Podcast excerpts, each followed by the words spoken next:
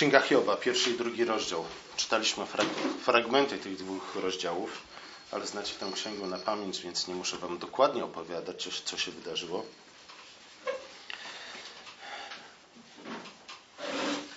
Ktokolwiek napisał księgę Hioba, na pewno chciał się upewnić, że my, jako odbiorcy tej księgi, nie będziemy wątpić w to, że Hiob był człowiekiem dobrym i pobożnym. Nie, to jest stwierdzone nieraz w pierwszym i w drugim rozdziale i generalnie rzecz biorąc później, w końcowych rozdziałach, kiedy Pan Bóg w końcu odzywa się do Hioba bezpośrednio, również to potwierdza. Hiob był człowiekiem dobrym, Hiob był człowiekiem pobożnym. I teraz, w pewnym sensie mamy z tym problem, dlatego że z jednej strony, przynajmniej w przeszłych czasach, zwykło się myśleć, że e, skoro podstawą sprawiedliwości jest zasada oko za oko, to znaczy, że każdemu się powodzi tak, jak na to zasłużył. Zgadza się? Ludzie, ludzie którym się powodzi, najprawdopodobniej są ludźmi pobożnymi. Ci, których dotyka jakieś nieszczęście, najprawdopodobniej zasłużyli sobie na nie. nie? Mówiliśmy o tym kilka tygodni temu. Księga Przysłów wydaje się właśnie to nauczać. Nie? Że jeśli jesteśmy ludźmi pobożnymi, wiernie służymy Bogu, to Pan Bóg nam błogosławi i w związku z tym nam się powodzi, strzeże nas od wszelkiego zła. Psalm 91 i wiele innych psalmów. Nie? To są psalmy, które, które zdają się to właśnie stwierdzać.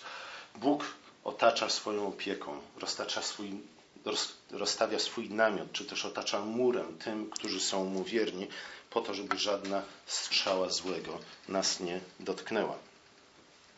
E, Księga Hioba mówi, że niekoniecznie tak jest, dlatego że Hiob był człowiekiem dobrym i pobożnym, był, jest nazwany nawet największym człowiekiem wschodu, a mimo to, a w zasadzie właśnie z tego powodu dotknęła go strzała złego. A z drugiej strony, ostatnimi laty mamy tendencję do, do tego, o czym pisał swego czasu Rich Bledsoe w artykule pod tytułem e, Gadaryńczyk, nie, dysfunkcjonalna rodzina Gadareńczyka. Pamiętacie? Jeśli nie pamiętacie, wróćcie do tego artykułu, przeczytajcie go, dlatego że tam właśnie Rich Bledsoe zwraca uwagę na to, iż obecnie mamy raczej odwrotną tendencję. Nie? Obecnie, obecnie raczej mówi się, że ten, kto cierpi, ten, kogo dotyka jakieś zło, zwłaszcza prześladowanie, e, jest człowiekiem dobrym, prawym, sprawiedliwym i w związku z tym jest człowiekiem, który, którego powinniśmy uważać za jakiś moralny autorytet. Nie? Ten, kto cierpi, ten ma rację, dlatego że, no właśnie, nie? Czy tak jest, czy tak nie jest? Księga Hioba y, po części dotyka tych kwestii, ale z drugiej strony Księga Hioba y, nie zajmuje się tylko i wyłącznie pytaniem o to, y, jakie, dlaczego dobrzy ludzie cierpią, nie? albo dlaczego ludzi sprawiedliwych spotyka nieszczęście. W pewnym sensie tak, ale nie do końca. E, dzisiaj zaczniemy, za tydzień mnie nie ma, ale później jeszcze będą dwie niedziele, kiedy wrócimy do Księgi Hioba i mam nadzieję, że przynajmniej z grubsza zauważymy, zobaczymy to, o czym jest ta Księga Hioba, w jaki sposób odnosi się do Chrystusa i poprzez Chrystusa w jaki sposób odnosi się do nas. W każdym razie, Hiob był człowiekiem dobrym i pobożnym. To, w jaki sposób Hiob jest przedstawiony na samym początku, każe nam zestawić Hioba z takimi postaciami biblijnymi jak Noe, jak Józef. Również oni byli nazwani sprawiedliwymi. Nie? I ciekawe jest to, że e, ze względu na ich sprawiedliwość, czy też ich sprawiedliwość, ich wierność Bogu, sprawiła, że e, dzięki temu wiele innych osób dostąpiło zbawienia, czy też ratunku w taki czy w, inny, czy w inny sposób. Ale jak pamiętamy, zarówno Noe i Józef nie byli ludźmi, w których życiu bezpośrednio uwidaczniała się ta zasada, nie? że człowiek pobożny i sprawiedliwy jest człowiekiem, e, którego licho się nie ima. Wręcz przeciwnie. W przypadku obu tych postaci i wielu innych widzimy, że, że licho się ich mało właśnie dlatego, że oni służyli Bogu. Nie? Im wierniej służyli Bogu, tym licho bardziej ich atakowało. Dzieci, jak nie wiecie, co to jest licho, zapytacie rodziców w domu. Tekst nazywa Hioba największym człowiekiem wschodu. Nie jest to żadna figura stylistyczna, nie jest to żadna hiperbola. Hiob rzeczy samej był królem Edomu. Edomici to byli potomkowie Ezawa, brata Izaaka, jak dobrze pamiętamy, Izaaka? Nie, syna Izaaka, brata Jakuba. E, Edomici pojawiają się w Piśmie Świętym w różnych kontekstach. Herod między innymi był, czy Herodowi byli Edomitami, ale Hiob jest dobrym, pobożnym, sprawiedliwym królem e, Edomu. E, jest w gruncie rzeczy postacią, która bardzo pasuje do obrazu króla, jaki znajdujemy w Księdze Przypowieści, czy też Przysłów Salomona. Tam Salomon e, pisze książkę na temat tego, jak należy wychowywać królewiczów, czyli przyszłych następców tronu. I generalnie rzecz biorąc, cechy, jakimi określony jest Hiob w pierwszym, w drugim rozdziale i na końcu księgi, tym bardziej, pasują do, do obrazu mądrego i dobrego króla, pobożnego króla opisanego w księdze przysłów.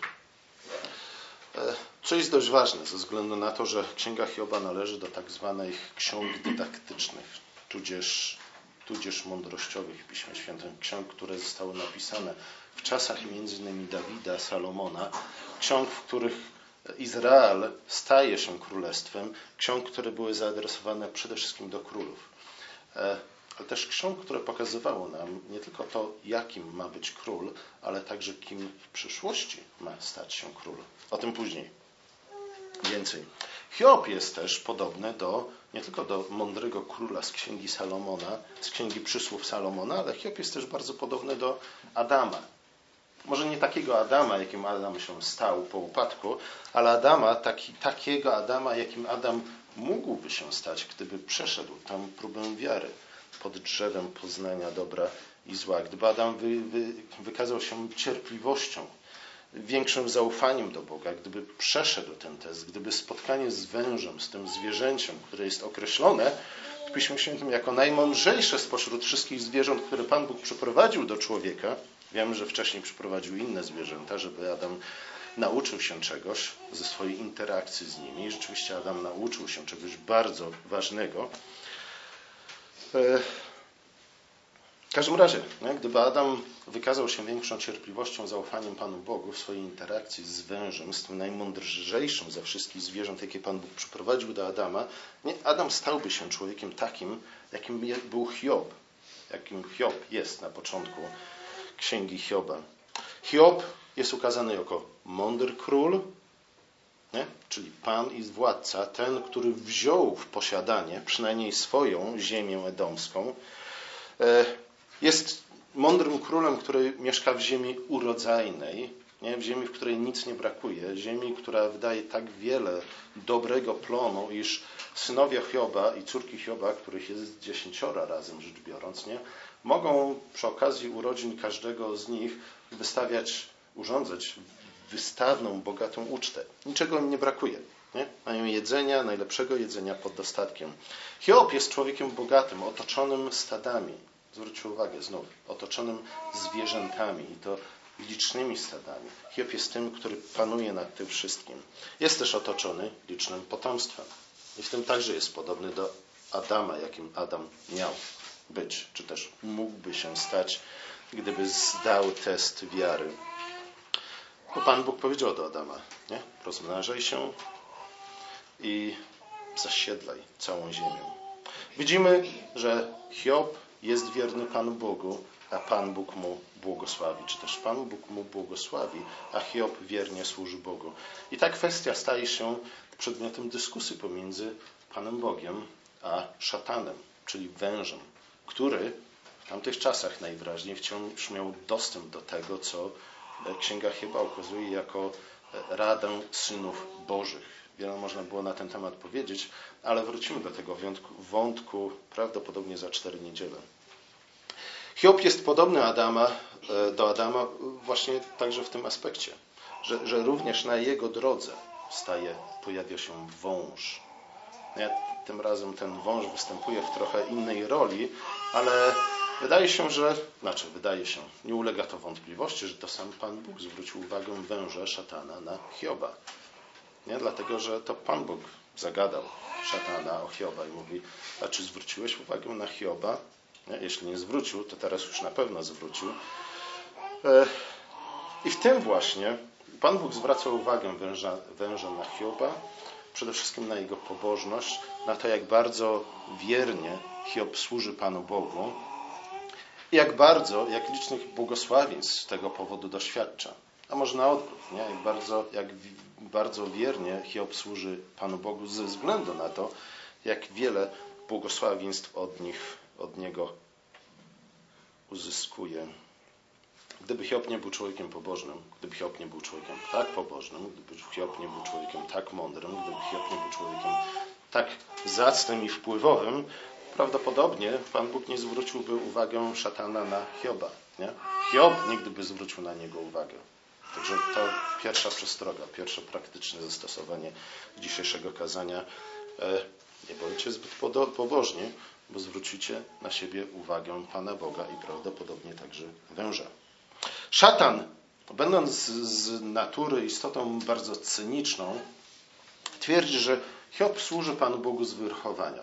Mówi Panu Bogu, nic dziwnego, że Hiob służy Tobie, Panie Boże, tak wiernie. Nie? W końcu ma w tym jakiś interes, bezpośredni interes, dlatego że jego służba Tobie, jego wierność Tobie przekłada się bezpośrednio na Twoją opiekę, na Twoje błogosławieństwa, na wszelkie dary, które On od Ciebie otrzymuje.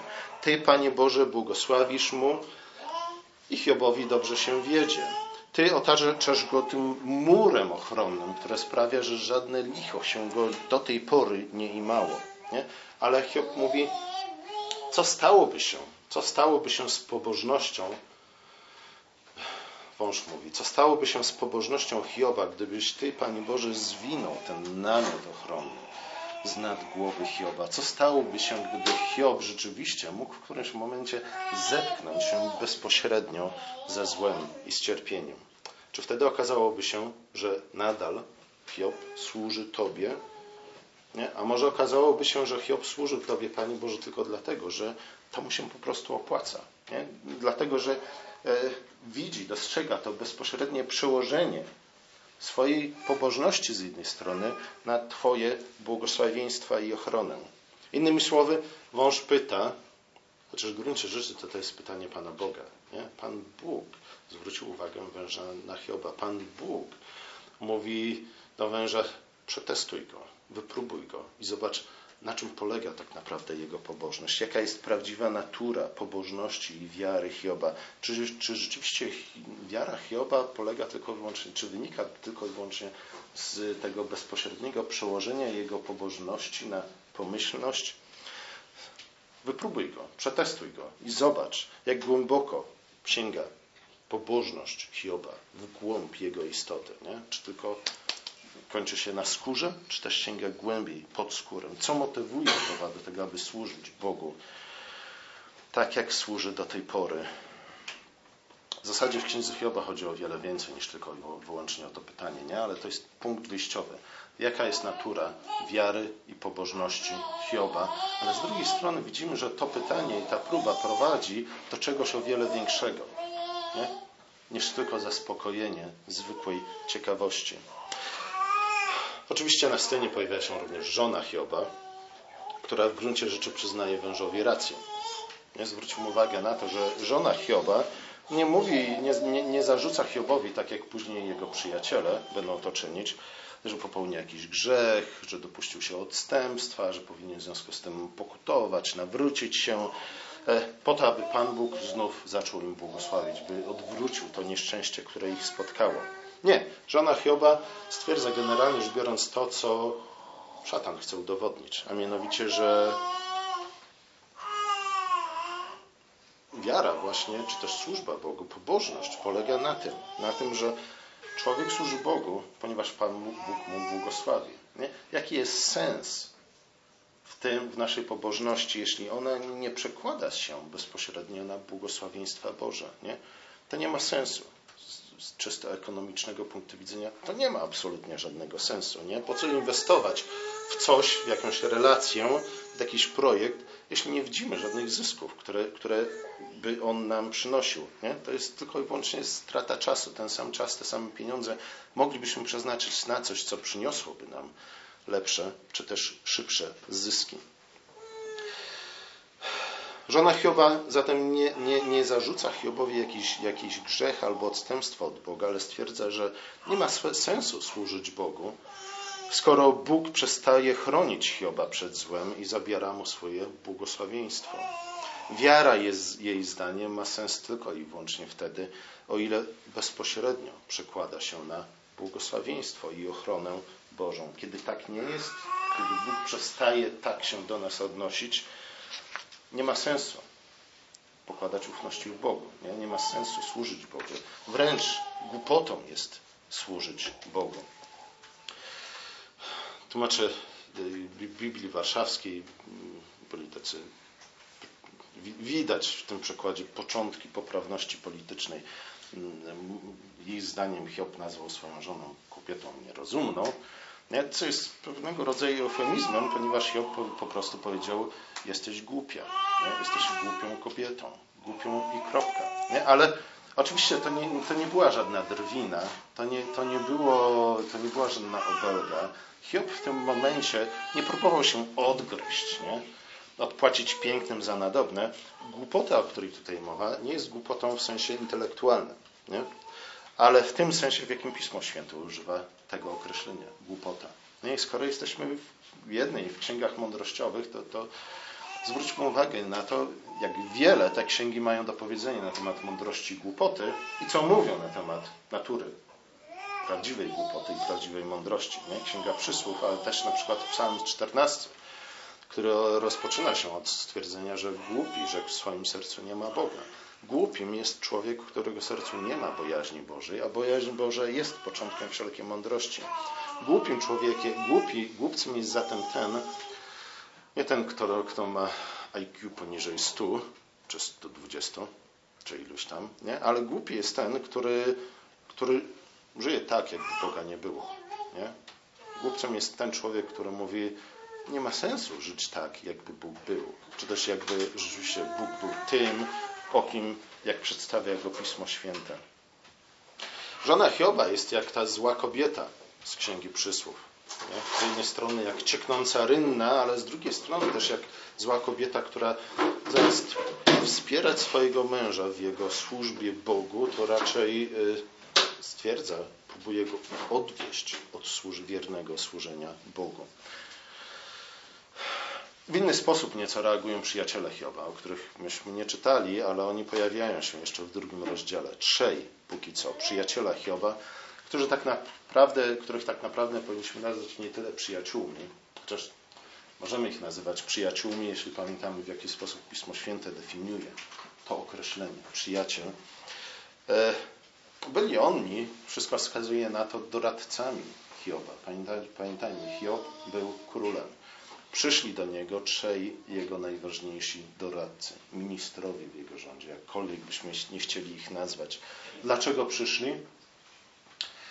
Przyszli oczywiście po to, żeby pocieszyć Hioba, ale, ale ci przyjaciele mieli bezpośredni interes w tym, żeby przyjść do Hioba, w jakiś sposób zareagować na to, co się wydarzyło w życiu Hioba, ze względu na to, że nieszczęścia, które dotknęły Hioba, dotknęły nie tylko je, Hioba osobiście, ze względu na to, że Hiob był królem. To znaczy, że nieszczęścia, jakie dotknęły Hioba, dotknęły też całe królestwo. Nie? Czytamy, nie czytaliśmy dzisiaj, ale czytamy w księdze o tym, że były jakieś katastrofy naturalne, czy też katastrofy, które zwykle nazywamy naturalnymi. E, była jakaś klęska, która dotknęła nie tylko Hioba, ale też najwyraźniej cały kraj. Był najazd Chaldejczyków. Były, był, wydarzyło się wiele innych nieszczęść które dotknęły nie tylko Hioba bezpośrednio, ale też ludzi, którzy zależeli od niego, zarówno jako ojca, ale także jako króla. A poza tym, jeśli jakieś nieszczęście spada na króla, tak jak na przykład spadło na Hioba, i Hiob pogrąża się w żałobie, to oczywiście co to oznacza dla królestwa? Nie, nie tylko, że nieszczęście spadło na królestwo, ale także to, że wszyscy w tym momencie kryzysowym oczekują od króla jakiejś reakcji. Nie? królu zarać temu nieszczęściu. Król jednak zamyka się w swojej komnacie i pogrąża się w żałobie. Ci, którzy są nazwa, nazwani przyjaciółmi, mieli bezpośredni interes w tym, żeby, jak mówi tekst, nawrócić Hioba, to znaczy zmienić jego postawę, zmienić jego sposób myślenia, żeby w końcu zrobił coś z tą sytuacją, jakoś zareagował na nieszczęście, które dotknęło nie tylko niego, ale też cały kraj. Więc przychodzą do niego E, I próbują jakoś zaradzić nieszczęściu, które dotknęło ich wszystkich. Najpierw liczą na to, że okazując współczucie z Hiobem, Hiobowi, jeśli dobrze pamiętam, przez tydzień siedzą w milczeniu razem z Hiobem na tej kupie prochu, e, może wpłyną jakoś na niego i doprowadzą do tego, że król za, znów zacznie sprawować rządy. Znów zacznie rządzić i wyprowadzi kraj z kryzysu. Później, kierując się tą prostą zasadą oko za oko, namawiają króla do pokuty, do nawrócenia się, żeby nie tylko on, ale też całe królestwo znów mogli cieszyć się opieką i przychylnością Pana Boga. Nie, Hiob nie zgadza się jednak ani ze swoją żoną, ani ze swoimi przyjaciółmi, doradcami. Nie chodzi o to, że w tym, co oni mówią, nie ma absolutnie żadnej racji. Nie? Zwykle tak nie jest. Zwykle, zwykle oszustwo nie wygląda w ten sposób, że jest całkowicie oderwane od rzeczywistości, w której żyjemy. Raczej chodzi o to, że i żona Hioba, i jego przyjaciele wyciągają zbyt pochopne wnioski. Nie? Albo być może w zły sposób zastosowują pewne prawdy, które rzeczywiście są prawdami biblijnymi, do tej sytuacji. No bo znów, przecież psalm na przykład 91 nie mówi o tym, że ten, kto służy Bogu, temu będzie się powodzić. Czy psalm 91 nie mówi o tym, że Bóg, roztoczy swój namiot nie, wokół nas, tak żeby żadne licho nas, nas się nie imało? No jak najbardziej. Nie? Czytając tego, tego typu fragmenty Pisma Świętego, które niewątpliwie są prawdziwe i powinniśmy im zaufać, możemy dojść do takiego wniosku, do jakiego doszła żona Hioba. Czyż nie? Wiele osób dochodzi do takiego wniosku. Wielu chrześcijan mówi, że to jest jedyny słuszny wniosek. Nie? Wiernie służysz Bogu, Bóg Ci błogosławi. Dotyka Ci nieszczęście, to znaczy, że co? Coś jest nie tak z Twoją relacją. Wyznaj grzech, nawróć się i znów będziesz piękny, młody i bogaty. Albo coś takiego. To prawda, że los królestwa zależy od losu króla. Nie? To, to nie ulega żadnej wątpliwości. E, I prawdą jest też, że wiara czy też pobożność jest pochodną miłosierdzia, darów, jakie otrzymujemy od Pana Boga. No, zwróćcie uwagę na to, że na tym raczej dzisiaj chciałbym się skupić, nie? E, że pobożność, wiara jest pochodną miłosierdzia, jakie Bóg nam okazuje, darów, jakim On, on nas obdarza. Spójrz, spójrzmy na przykład na wyjście Hebrajczyków z Egiptu. Co było najpierw? Czy oni najpierw wiernie służyli Panu Bogu po to, żeby sobie zasłużyć na zbawienie, jakie otrzymali? No nie, jest dokładnie na odwrót. Pan ich zbawia wtedy, kiedy Hebrajczycy e, całkowicie już oddali się kultowi obcych bogów, nie? bogów egipskich. I w tym momencie Pan Bóg ich zbawia. Najpierw przychodzi łaska, najpierw Pan Bóg okazuje swoje miłosierdzie grzesznikom,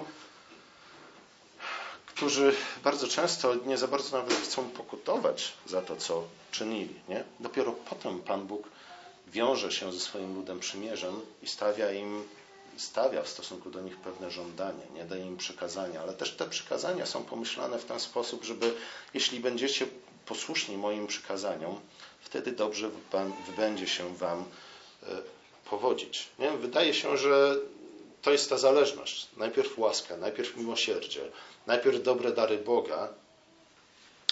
E, czyli otrzymujemy coś dobrego od Pana Boga i odpowiadamy na to wiarą, zaufaniem. Później wierzymy, nie? Ta pierwotna, początkowa wiara właśnie w ten sposób rozumuje i na tym się opiera, na bezpośredniej ingerencji Boga w nasze życie.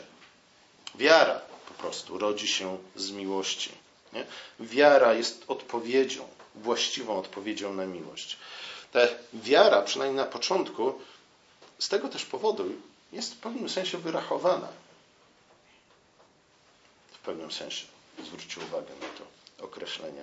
Wiara liczy na miłość. Wiara zależy od miłości. Wiara karmi się miłością. Wiara nie może istnieć bez miłości. Nie? Bez, tego bezpośred, bez, bez tej bezpośredniej obecności Pana Boga e, w życiu, w naszym życiu, trudno mówić nie tylko o pojawieniu się wiary, ale też o zakażenieniu się tej wiary w naszym, w naszym sercu. Żeby lepiej to zrozumieć, pomyślcie przez chwilę o małych dzieciach.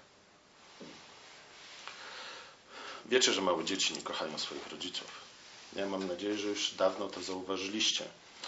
E, ale z drugiej strony, małe dzieci bezgranicznie ufają swoim rodzicom, zwłaszcza matce, nie? na początku, dobrej matce.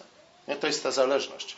Matka okazuje miłość swojemu małemu dziecku i to wzbudza w tym małym dziecku bezgraniczne zaufanie, wiarę do swojej matki.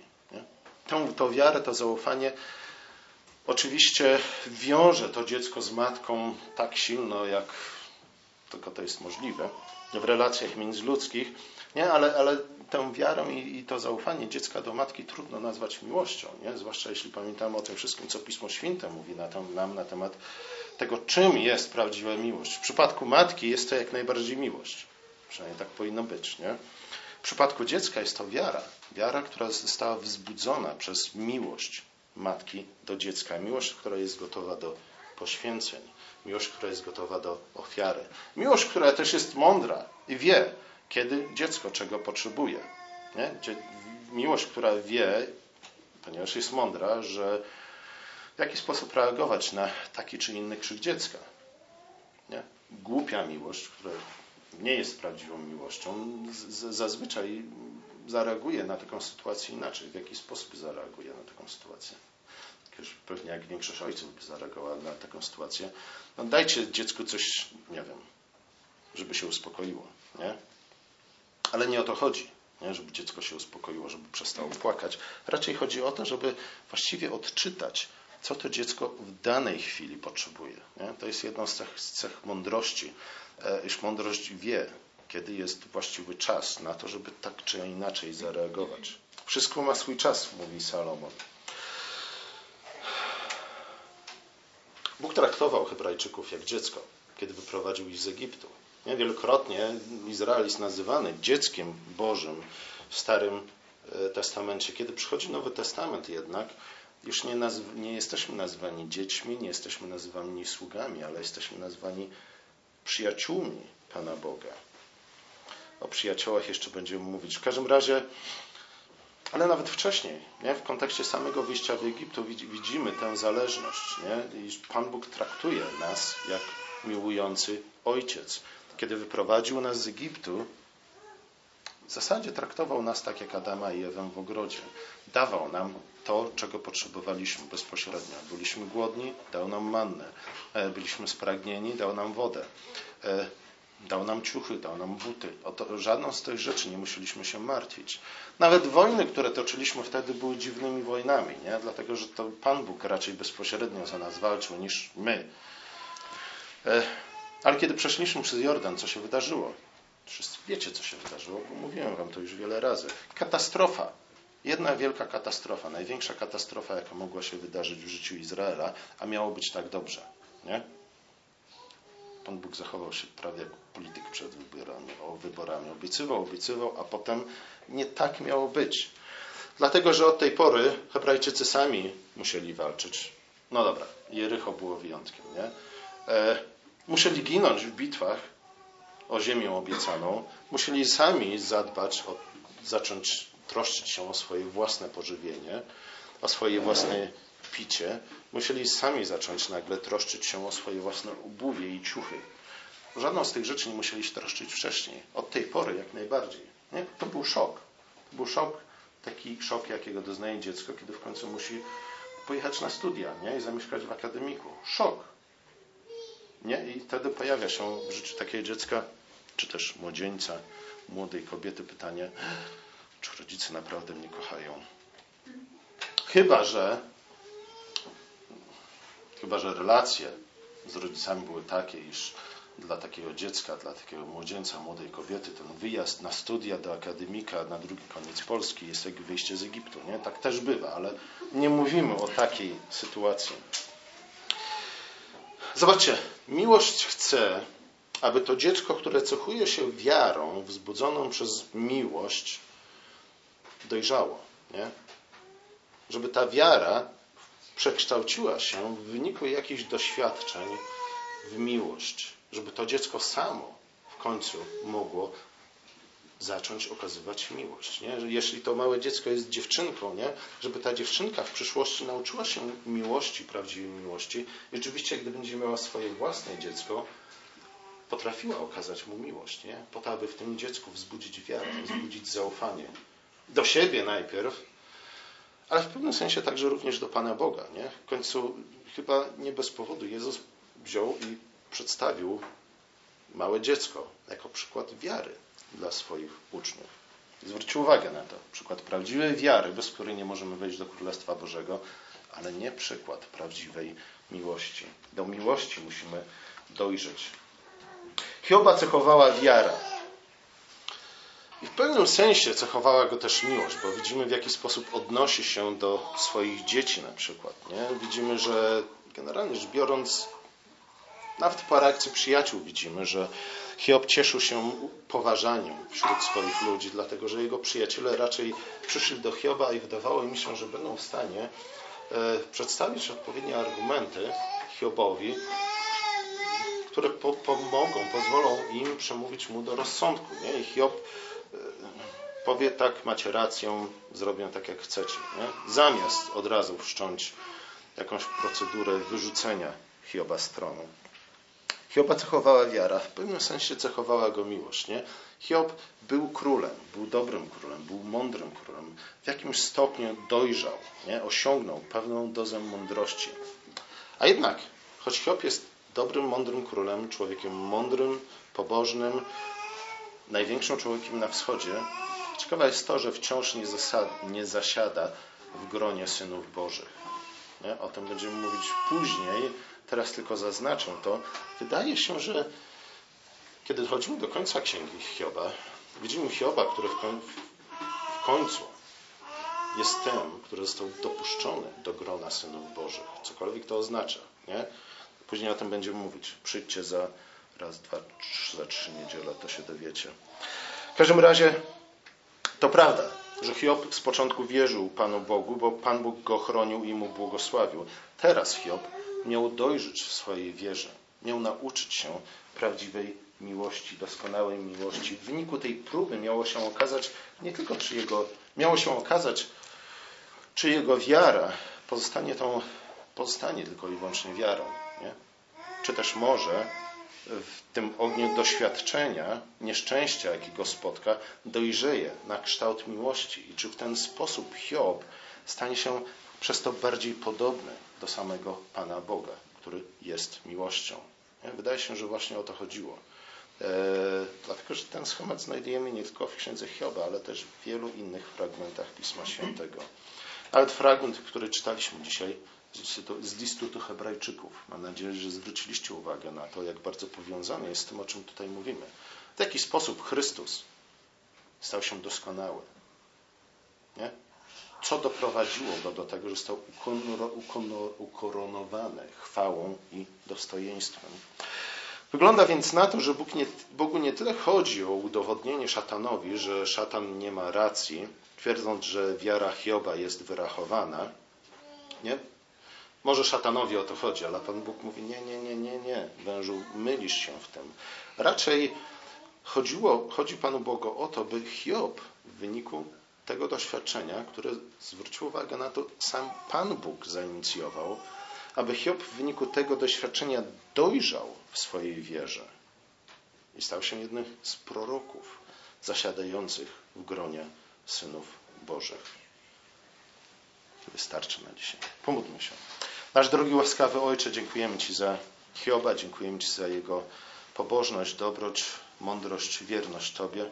Dziękujemy przede wszystkim za, za Jego przykład i prosimy, prosimy Cię o to, abyśmy, kiedy będziemy krótko przyglądać się tej księdze, mogli nie tylko zrozumieć lepiej, co wydarzyło się w Jego życiu, co Ty uczyniłeś w Jego życiu, ale także e, w jaki sposób Jego doświadczenie może przełożyć się również na nasze życie, abyśmy także my mogli dojrzewać w naszej wierze i uczyć się prawdziwej miłości na wzór Twojego Syna którego imieniu prosimy Cię. Amen.